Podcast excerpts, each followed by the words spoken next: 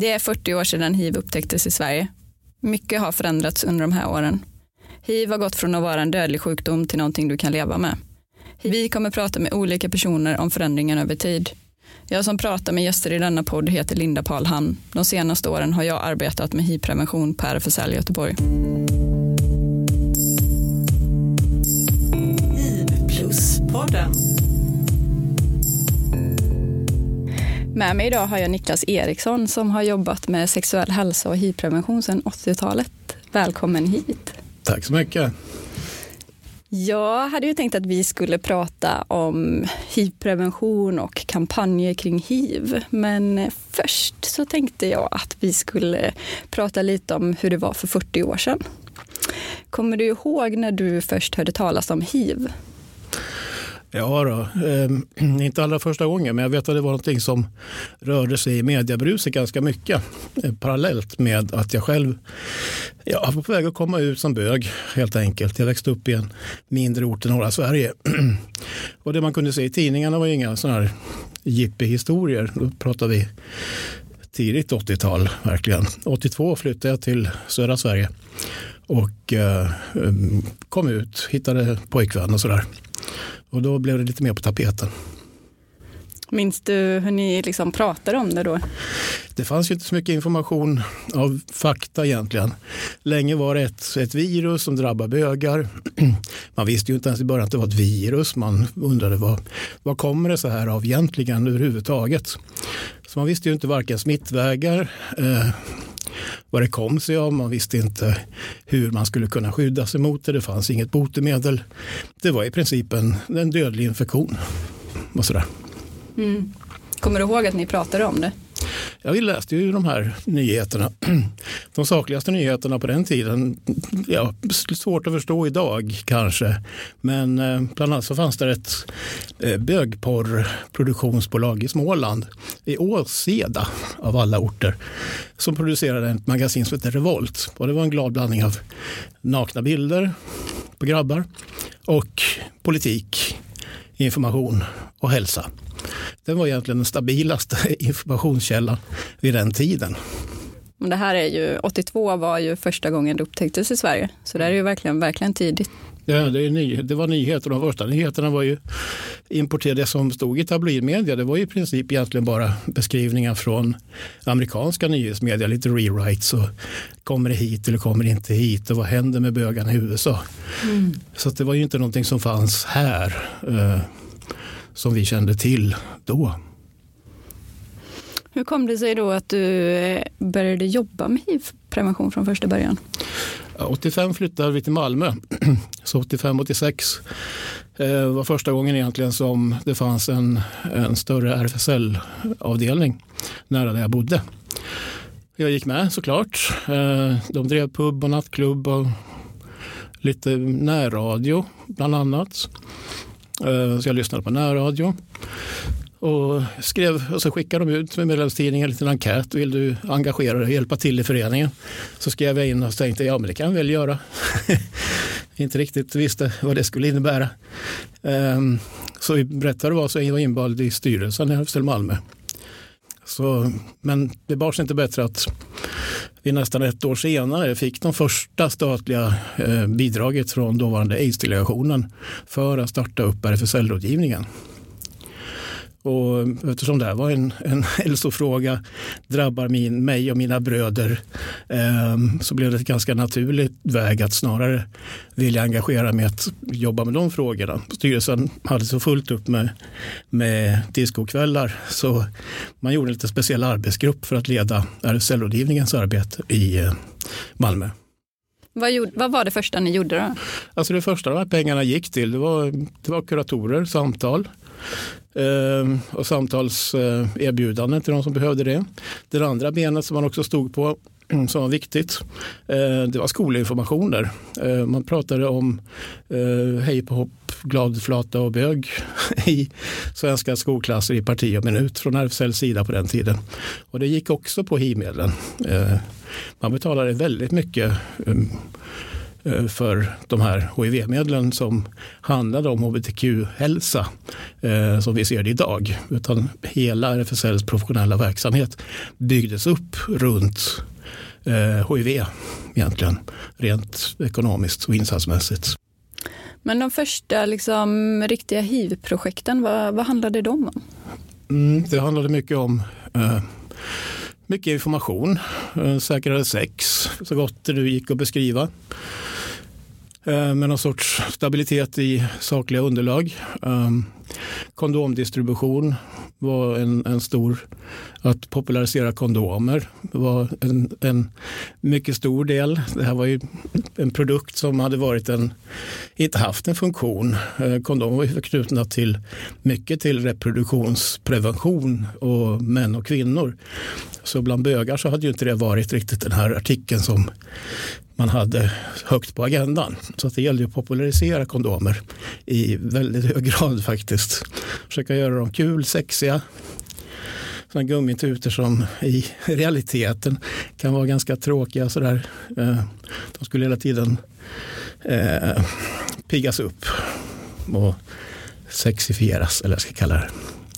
Så vi sexade till kondomer så gott vi kunde. Vad, var det med, vad kunde det mer vara för budskap som var centrala så där i början? Ja, från RFSLs sida så var det alltid, eh, vi månade väldigt mycket den sexbejakande delen, alltså sexualiteten som en viktig eh, källa till, till eh, glädje och samvaro i mänskligt liv. Det fanns ju motstridiga budskap från andra håll som handlade om att ja, ni kanske ska sluta och ha sex under några år fram till dess som vi har ett botemedel. Och det här gick ju lite stick i stäv så att vi hamnade ju lite i konflikt med, med den sortens budskapssändare. Och det kunde dyka upp lite var det helst ifrån som i samhället. Från vissa medicinare, eh, vissa myndigheter. Man kunde se sådär lite homofobiska utspel i stora reklamkampanjer som staten hade köpt från amerikanska stora reklambyråer för otroliga pengar som var direkt homofobiskt. Där man utmålade bögarna som någon sorts mörkermän eller fantomer som skulle sprida hiv till, till det svenska folkhemmet. Akta er för dem. Och det såg vi som väldigt problematiskt att bygga in någon sorts minoritetshat egentligen eh, och spä på den typen av rädsla, spela på allmänhetens rädsla för en minoritet eller bygga in den här rädslan i minoriteterna och bli rädda för varandra. Det hade ju väldigt destruktiva eh, konsekvenser skulle det kunna ha. Och hade kanske också. De man har, eh, jo, det har man nog kunnat fått beskrivet i en del historiskt material numera. Ja, och jag tänker en del av det som, som du tar avstamp emot eh, tänker jag handlar ju om vad aids-delegationen gjorde. Alltså aids-delegationen var ju någonting som tillsattes av regeringen 1985 och fanns fram till 92. Eh, och de gjorde ju väldigt mycket kampanjer som, precis som du var inne på, hade eh, en ganska så skarp ton och också utmålade vissa grupper som liksom eh, ansvariga för den här sjukdomen på något vis. Mm. och, och de använde sig ju också mycket av av skrämsel som taktik kan man säga. Mm, det ehm, och här pratar ju du om någonting som, som liksom ni faktiskt gjorde annorlunda. Ehm, hur mottogs det? så småningom ganska väl, men under hårt motstånd. Jag vet att kollegorna på förbundet i Stockholm eh, emellanåt faktiskt bara röt ifrån och tog, tog en stor reklamkampanj plan beskriven från det här bolaget under armen och gick därifrån. Och, och mer eller mindre skrapade fram en liten skvätt pengar, några duktiga grafiska formgivare och satte ihop några stycken affischer som en sorts motbild. Man ville beskriva, så här kan också eh, HIV-förebyggande insatser se ut. Och budskapet i dem var ju mycket mer någon sorts stolthet, eh, sexualitet, närhet, värme och säkrare sex. Att bygga in säkrare sex som koncept var ju någonting som vi var tvungna att eh, belysa med någon sorts positiva förtecken. Inte att vara rädd när du har sex utan ha sex på ett sätt som gör att du är trygg eh, också efteråt. Eh, att inte vara rädd före, efter och under ett sexuellt möte. För det tar ju lite udden av nöjet med sex att säga, i människors liv. Och blir kanske i så fall någonting man helt struntar i att förhålla sig till skulle jag påstå. Ja, absolut, och det, och det vet vi ju idag som har hållit på med hivprevention under en lång tid att, att liksom rädsla är inte ett sätt att få människor att ta bättre beslut. Alltså det är, inte, det är inte funktionellt, det är inte vad människor kommer göra utan vi måste kunna prata på ett annat sätt för att, för att liksom kunna möjliggöra att människor vill vill kunna förändra någonting. Ja, budskapet måste vara realistiska. Alltså, det. det går inte att hitta på någonting som är med massa bisatser och tveksamheter. Utan det måste vara budskap som folk kan förhålla sig till och omsätta till en praktisk verksamhet. Och det är liksom den här bryggan glöms ibland bort ifrån eh, medicinska experter som inte eh, har så mycket erfarenhet av förebyggande insatser. Så ska jag säga. De är duktiga på eh, vissa saker. Men det här med förebyggande insatser till mänskligt beteende, där finns det vissa luckor så att säga. Det måste finnas en tydlighet och en, en sorts möjlighet. Så att den här möjligheten och den hivpreventionen är någonting som man skulle kunna faktiskt förhålla sig till med någon sorts eh, njutning. Just det. det var där vi, vi gjorde vår 180 graders vinkel jämfört med de kampanjer som man köpte in från, för otroliga pengar mm. från stora reklambyråer. Men vad kunde det vara för typ av realistiskt budskap? Uh, ja, det kunde vara vi hade ju, gjorde ju alla möjliga saker, alltifrån bildmaterial och, och informationsmaterial.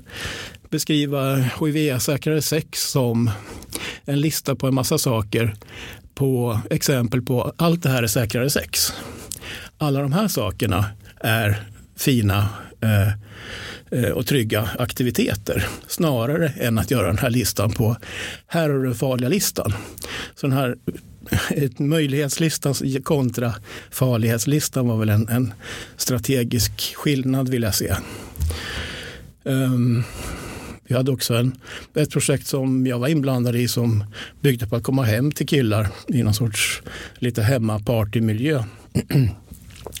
ja, det kallas för par, home parties men det var lite käka lite ihop, snacka och så var det jag och en, en annan eh, gruppledare som egentligen ledde samtal och snack om säkrare sex och teman.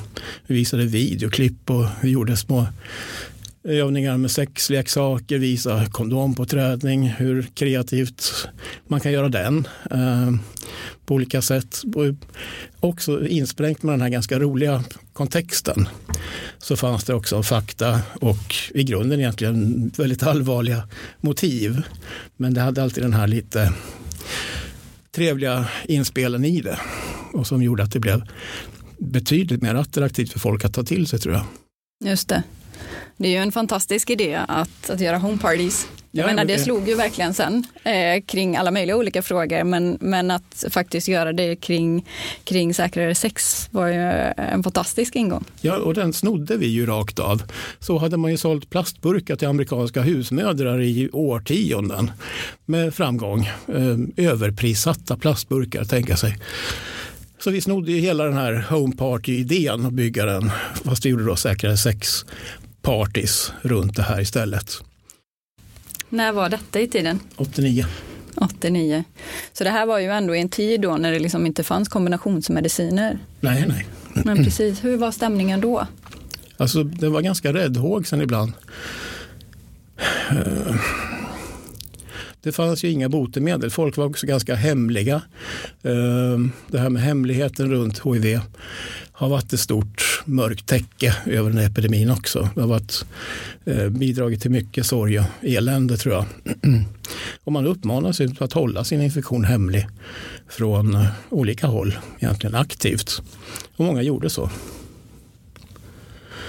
Och mm, den här hemlighetshållandet, rädslan, eh, tror jag var, bidrog till en ganska stressad miljö i stort. Det fanns, det fanns en gayklubb i Malmö som i början inte ville ha kondomer från oss. Vi ville sätta upp massa kondomautomater och skålar.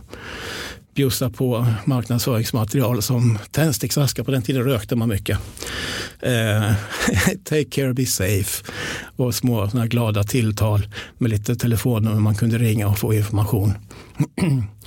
Men man ville inte ha kondomer på stället för det här var en, en man såg kondomerna som en sorts påminnelse om död och elände.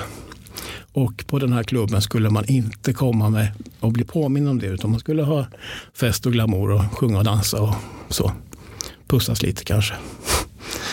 Men efter mycket arbete så gjorde vi genombrytningar där också faktiskt. Men det tog en, ett långt tag och det var egentligen en generationsväxling i personalen tror jag. Så de yngre killarna hade våra Rubberware parties. ja, de hade varit på de här ja, ja. homeparty-grejerna som ni hade gjort. Så den yngre generationen pratade med den äldre generationen så att det här är ju viktigt. Det här är inte alls någonting påminnelse om död och elände. Det här är ju en möjlighet till, till härliga möten. Så det var, ju därför, det var ju därför folk gick på den här klubben. Så att den yngre generationen påverkade den lite äldre i, på just det stället, kommer jag ihåg. Just det. Gud vad spännande att det liksom var de som på något vis banade väg för att det liksom preventiva arbetet faktiskt kunde nå lite fler personer. Då. Absolut. Det gäller att hitta de där allianserna med andra som tycker att det är viktigt och som gör samma värderingar. Allianserna med personer som finns inom organisationer och som förstår poängen istället för att fastna i en missuppfattning. Mm. Jag förstår verkligen det. Så här, nu, när, nu när du har jobbat liksom så här länge med hivprevention och liksom vi pratar speciellt om de här åren innan liksom, eh, medicin, kombinationsmedicinerna faktiskt liksom slog igenom i Sverige. Är det någonting som du tänker att ni hade kunnat göra annorlunda? Säkert massor. Eh, jag är väldigt stolt över det vi gjorde och det som hände. Eh, jag har svårt att tänka riktigt. Det var, en, det var en bra fråga. Jag skulle nog behöva tänka på det lite mer. Men... Ja, men vi, vi kanske kan cykla tillbaka till det om jag lyckas komma ihåg det. ja, men det tog ju lite tid där innan, innan medicinerna kom ändå. Ja, det var inte förrän mitten, slutet på 90-talet förlåt, eh, som det här eh, blev en verklighet. Och det var ju en sensation och en stor, verkligen en stor sak. Det var en enorm effekt. Jag bodde i Köpenhamn på den tiden. Och vid den tiden kunde man ju också, mm, speciellt i större städer som, ja, men också i Malmö, man kunde ibland se eh, människors kroppar var ibland också märkta av den här infektionen och sjukdomen. Eh, vissa, vissa följdsjukdomar och hiv blir mer synliga än andra. Och det här var ju också så ibland att man i miljö i Köpenhamn där jag då bodde och gick ut. Man såg ju folk som plötsligen inte längre stod vid bardisken när de hade hängt i, i, så länge jag kunde komma ihåg. Ehm, och så började man fråga, nej jag vet inte riktigt, han kanske har flyttat eller ibland var det ju några närmare vänner som då kunde berätta hur det egentligen var. Och skillnaden sen när medicinerna kom och några av de här som hade försvunnit från att hänga vid bardisken plötsligen kom tillbaka. Pigga som nyponrosor. Inte riktigt så. Men det var en helt annan version av den här killen som jag sett något år tidigare se ganska eh, märkt ut av sin sjukdom. Och det var verkligen en, en effekt på den medicinen. Man pratar i medicinen om en Lazarus-effekt, liksom att den nästan återuppstår. Folk gick ju upp från sina mer eller mindre um, slutsjukstadier och ut i samhället igen. Så det var, det var en dramatisk förändring. Hur var det för dig att liksom vara med om det, att se det här? Det var ju fantastiskt. Det var jättekul och sorgligt samtidigt. Ehm, de som inte hann vara med eh, över den gränsen. Några som precis faller lite innan. Det är ju tufft att tänka på dem ibland. Mm. Det är många personer som ändå har hunnit försvinna genom åren nu som har gått bort på grund av just hiv. Så många. Så många. Det har varit en, en tuff period för, för bögcommunityt verkligen. Enorma förluster. Ja. Det är ju alltså den storleksordningen som man kan tala om. Alltså, man tänker generationer där, där unga män gått ut i krig och ja, kanske inte mer än åtta av tio kommer tillbaka från fronten. Alltså det är stora, stora, stora frånfall. Så det var en, en eh, det var ett stort eh, intryck på hela, hela communityt faktiskt. Mm. Jag kan förstå det och, och, jag som ju började jobba med hiv-prevention alltså bara för tio år sedan mm. eh, kan ju ändå känna att att den här sorgen, den, den, har ju, den finns fortfarande med. Mm. Det är som att vi liksom inte riktigt har kanske gjort upp med den eller någonting, någonting av den här sorgen, skuggan av den finns fortfarande kvar över det arbete som finns idag. Um. Mm, kanske. Kanske, men det här sitter ju på djupa personliga plan. Det är ju inte en, det här är liksom som samhällen ska ge, arbeta med sina processer, erfarenheter av. Eh, det tar ju generationer faktiskt. Folkhälsoarbete är ett generationsarbete. Eh, min gamla mamma är född 31. Så hon var ju liten flicka under, under kriget när hon bodde växte upp i Finland. Så att hon såg ju unga män komma från fronten i i påsar som radades upp för identifiering i den lilla byn där hon växte upp. Så att jag tänkte ibland på hennes berättelser om att som liten flicka möta kriget och hennes den här tioåringens beskrivning som hon var då om hur hon hade upplevt det. Och det var en ganska märklig mix av en liten, litet barns beskrivningar men av väldigt stort allvar. Hon, de lever ju fortfarande de här som har varit med om det här. Mm. Precis. Så är det, det finns en parallellitet i det där tror jag. Att vad, som, vad sorg gör med stora grupper som går förlorade i sjukdom eller krig eller, eller andra bekymmer i samhället. Precis, och det är ju fortfarande många som lever som har levt under den här tiden. Alltså för det är ändå inte så himla länge sedan som 80-90-talet var. Nej, och så spädde man på det med en massa homofobi i samhället. Hur man hanterade, alltså man ska inte heller glömma bort att homosexualitet blev en, slutade upp på en diagnos 79. Eh, 78 så hade vi samma mm, samtyckesålder åtminstone för homo och heterosexuella relationer fram till 78. Alltså man skulle vara 18 för att fatta så viktiga beslut som skulle kunna ha eh, 18. Det, ja, jag förstår inte hur man tänkte. Men man var väldigt rädda för eh, både det här med samkönade relationer, kärlek och eh, sen kom ju den här hiv som hand i handske på, på de frågorna. Så de passade ju väldigt bra ihop tyvärr. Mm det här med hur olika faktorer kan samverka i att hålla problemen nere. Mm. Jag tänker på det som du pratade lite grann om tidigare, om, om det här med att eh, det var så många som, som levde i hemlighet. Mm. Och som levde med hemligheter, att det var så få personer som visste. Och jag tänker att det kan gälla båda de här sakerna. Både att man, man inte kom ut med att man var gay eller det var väldigt få personer som visste att man var gay. Mm, mm.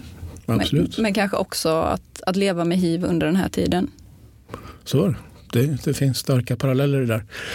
och det gjorde ju kanske man hade övat på att hålla hemligheter kring sexuell läggning. Så hade man bara en hemlighet till.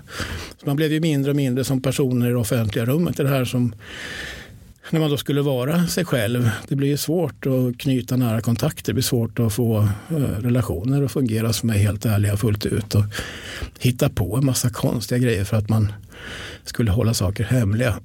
Man krymper som den sociala faktiska kontakt ja, ytan att knyta an till blir ju mindre och mindre eftersom den inte är så eh, synlig. så att säga. Ja, det var märklig tid.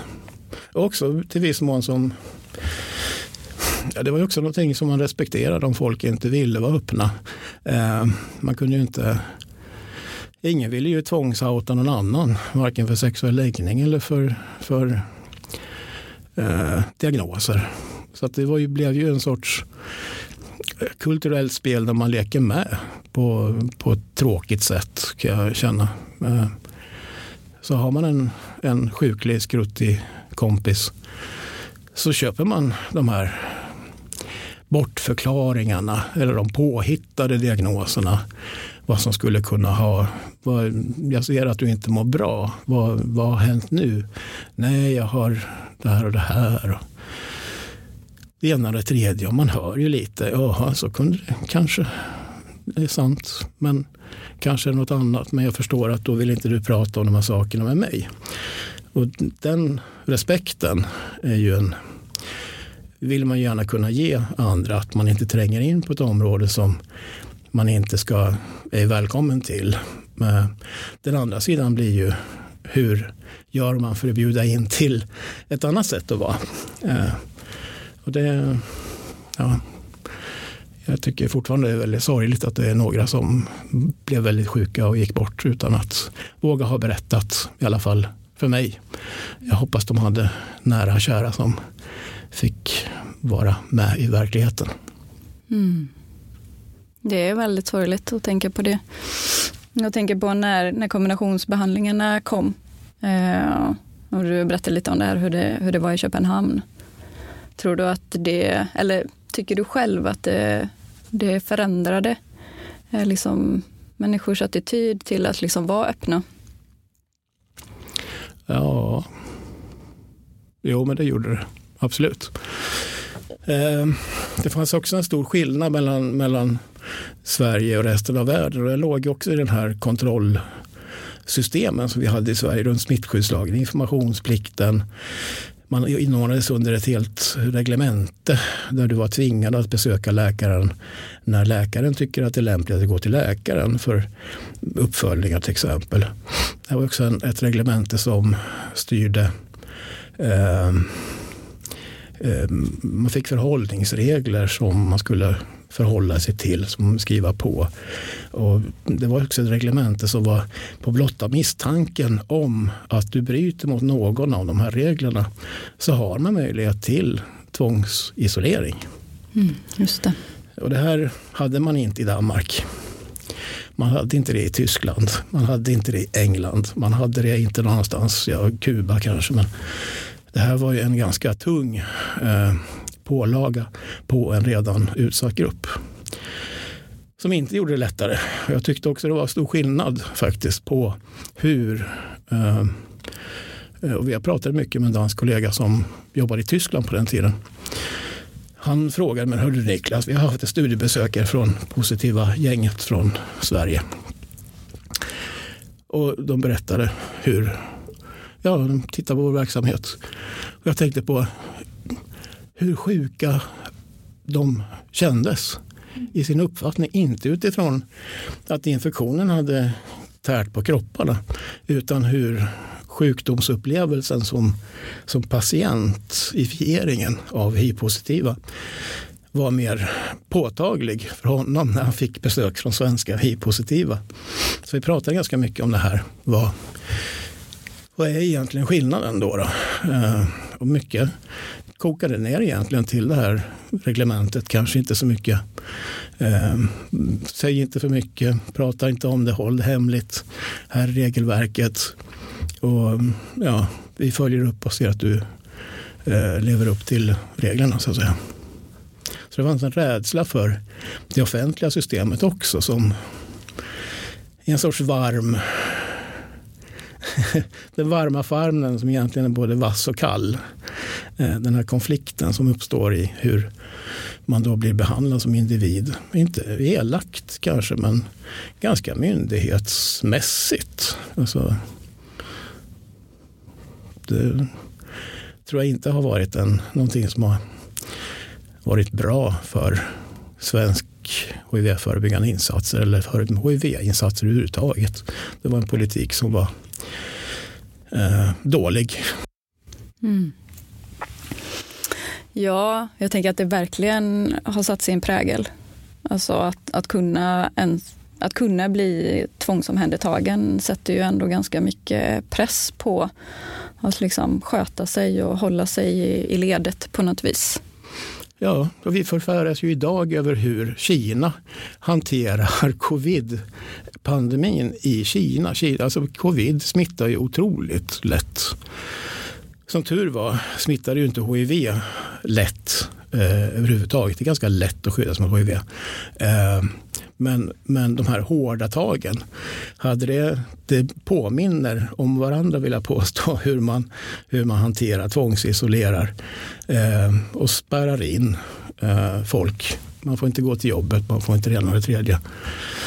Eh, och det förfäras vi ju över idag, hur det kan överhuvudtaget vara möjligt att göra så en 2022.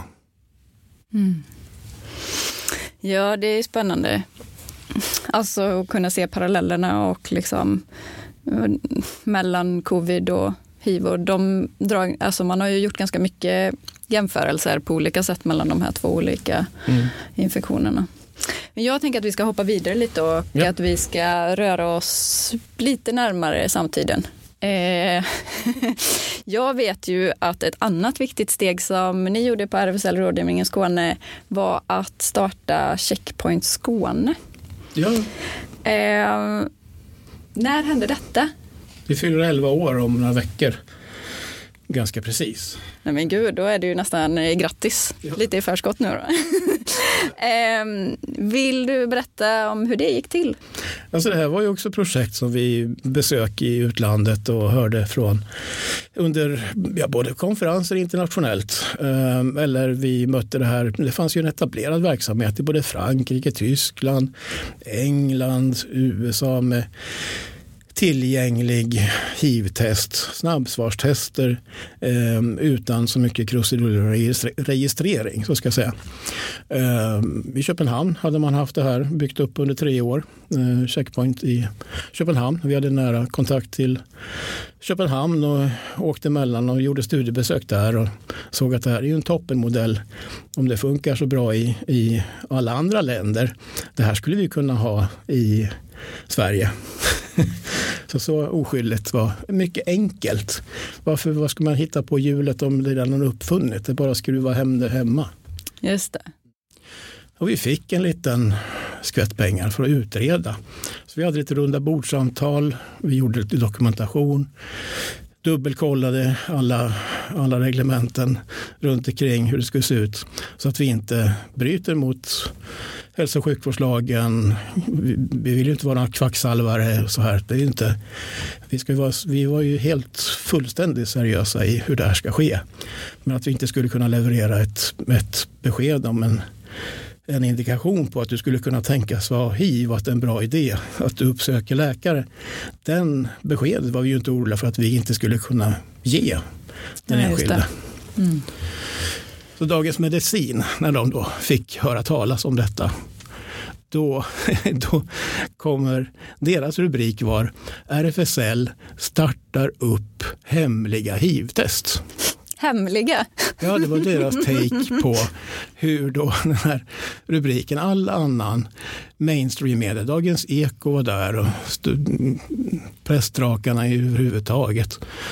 Sydnytt, vad som helst. Alltså det, var, det var ju en stor nyhet att det här överhuvudtaget etablerades. Men i Dagens Medicin kallar man det i rubriken för RFSL gör hemliga hiv-test. Vi närmar oss slutet av den här intervjun, men jag har ändå två frågor kvar mm, som jag tänker att vi ska hinna ta. Nu har ju du fått fundera lite, eh, så jag kommer tillbaka till den här frågan. Finns det någonting du tänker att ni hade kunnat göra annorlunda i det preventiva arbetet så här i efterhand? Ehm. Um,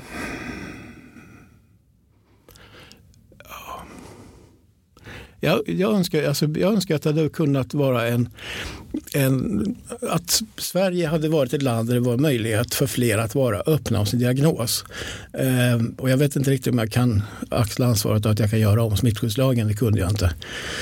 Men eh, det var ett stort bekymmer. Hur, hur fick man de där små bubblorna av, av kraftsamlande. Det etablerades ju sådana via positiva grupperna till exempel. De var ju inte riktigt vi så nära involverade utan de stod ju på egna ben efter de hade fått komma igång så att säga. Eh, så att den här öppenheten hade varit en, eh, något som hade burit många bättre tror jag. Men jag tror att det hade varit svårt faktiskt att göra riktigt så som jag hade önskat i Sverige utifrån det eh, land som låg ändå.